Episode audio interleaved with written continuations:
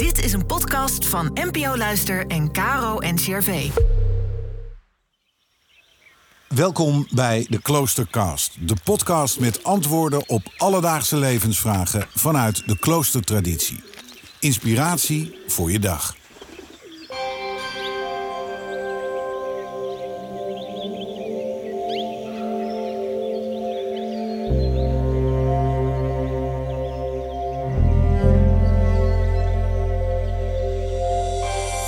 We zijn onderweg naar het kerstfeest. Het feest van de geboorte van Jezus. Voor Michael Dominique Margielse ook een feest van licht. Hij is Dominicaan, een orde die leeft volgens de regel van Augustinus.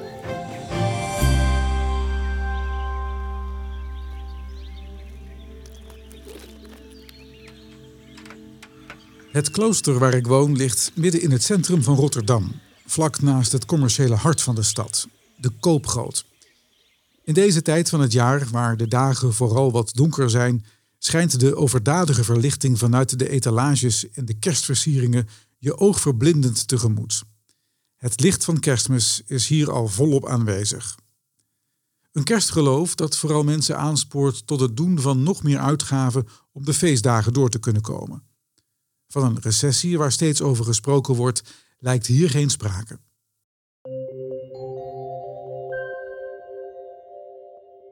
In deze sfeer van commercie en koopstress is ons klooster eigenlijk maar een vreemde eend in de bijt. Een kleine, bescheiden oase tussen alle kerstdrukte. Een paar keer per jaar is de kerk naast ons klooster open voor wie de stilte zoekt, in gebed of via een meditatie. Steeds meer mensen weten die plek te vinden om even op adem te komen, om zich even te ontstressen. Nu is het niet zo dat het klooster gevrijwaard blijft van stress. Ook hier moet kerstmis worden voorbereid. De vieringen, de preken, de maaltijd. En dat geeft altijd toch weer een andere dynamiek in huis. Die voorbereiding begint al weken tevoren met de Advent, de tijd waarop de kerk en dus ook wij in het klooster ons innerlijk voorbereiden op kerstmis. Het woord Advent komt eigenlijk van het Latijnse woord adventus, wat komst of de komende betekent. God komt naar ons toe. In de geboorte van Jezus met kerstmis herdenken wij de menswording van God in de wereld. Hij is voor ons een lichtend voorbeeld om naar te leven.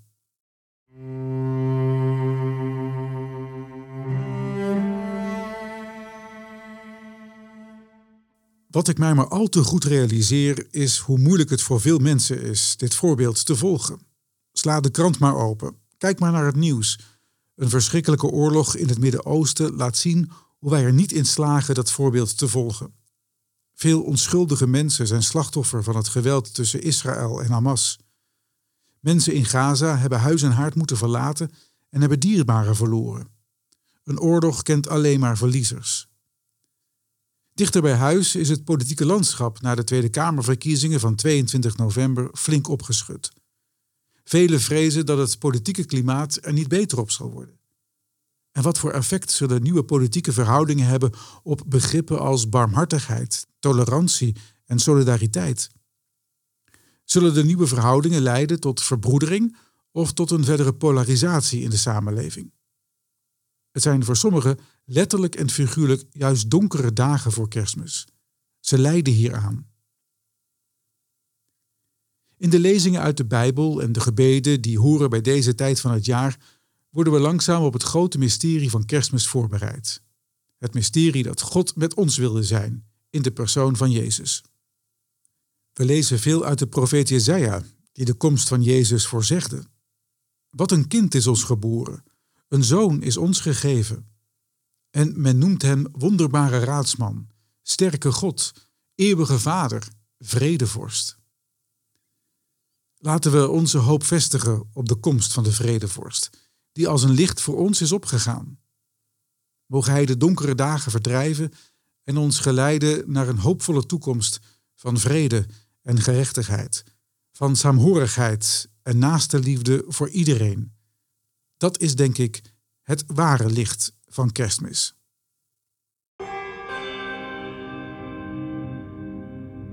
Barmhartige Vader, hoor ons als wij tot u bidden. Wij bereiden ons voor op het grote wonder van kerstmis. Schenk ons geloof, hoop en liefde. En laat ons bouwen aan een wereld van vrede en gerechtigheid, van barmhartigheid en solidariteit. Amen.